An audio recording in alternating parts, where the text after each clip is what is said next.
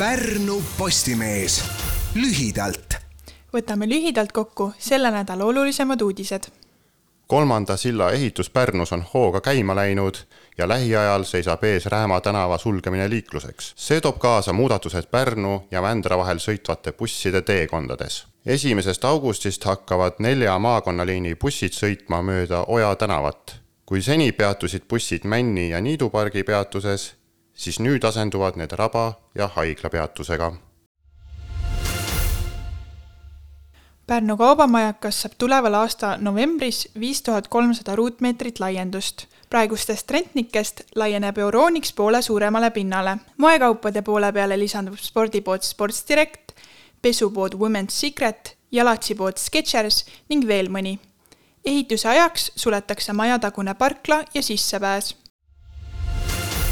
politsei teenistuslik kontroll tuvastas, et Pärnu rannast Beach Grindi festivalilt narkojoobe kahtlusega arestimajja viidud ja seal surnud kahekümneaastase mehega tegelenud ametnikud tegutsesid õigesti. Pärnu politseijaoskonna grupijuhi Janek Pinta sõnutsi kontrollisid meedikud korduvalt noormehe tervislikku seisundit ja nende hinnangul too arstide hoolt ei vajanud.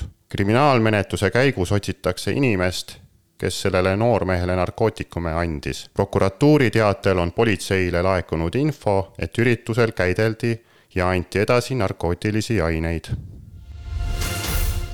sügisest saab Pärnus ilmast olenemata harrastada padelit, sest avatakse nelja siseväljakuga padelikeskus.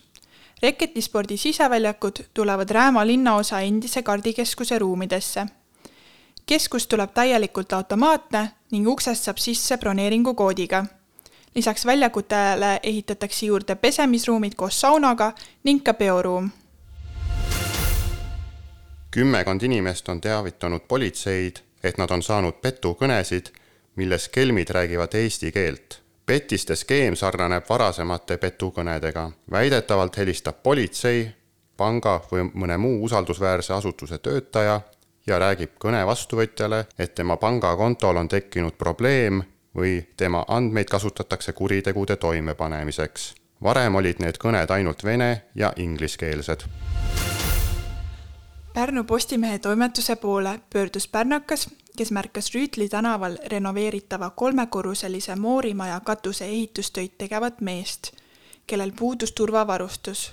tööinspektsioon kontrollis Rüütli kakskümmend kolm ehitusstandardit ja tuvastas nii turvavarustuseta mehe kui ka tööandja rikkumisi kontrolli käigus selgus, et mees ei olnud läbinud tervisekontrolli ning võib olla tõenäoline, et töötaja tegelikult ei tohigi kõrgustes töötada. tänavapildis ohtlikku olukorda märgates tuleks sellest Tööinspektsioonile teada anda. uudiste nädala võtsid kokku ajakirjanikud Emilia Haljas ja Lauri Habakuk. Pärnu Postimees lühidalt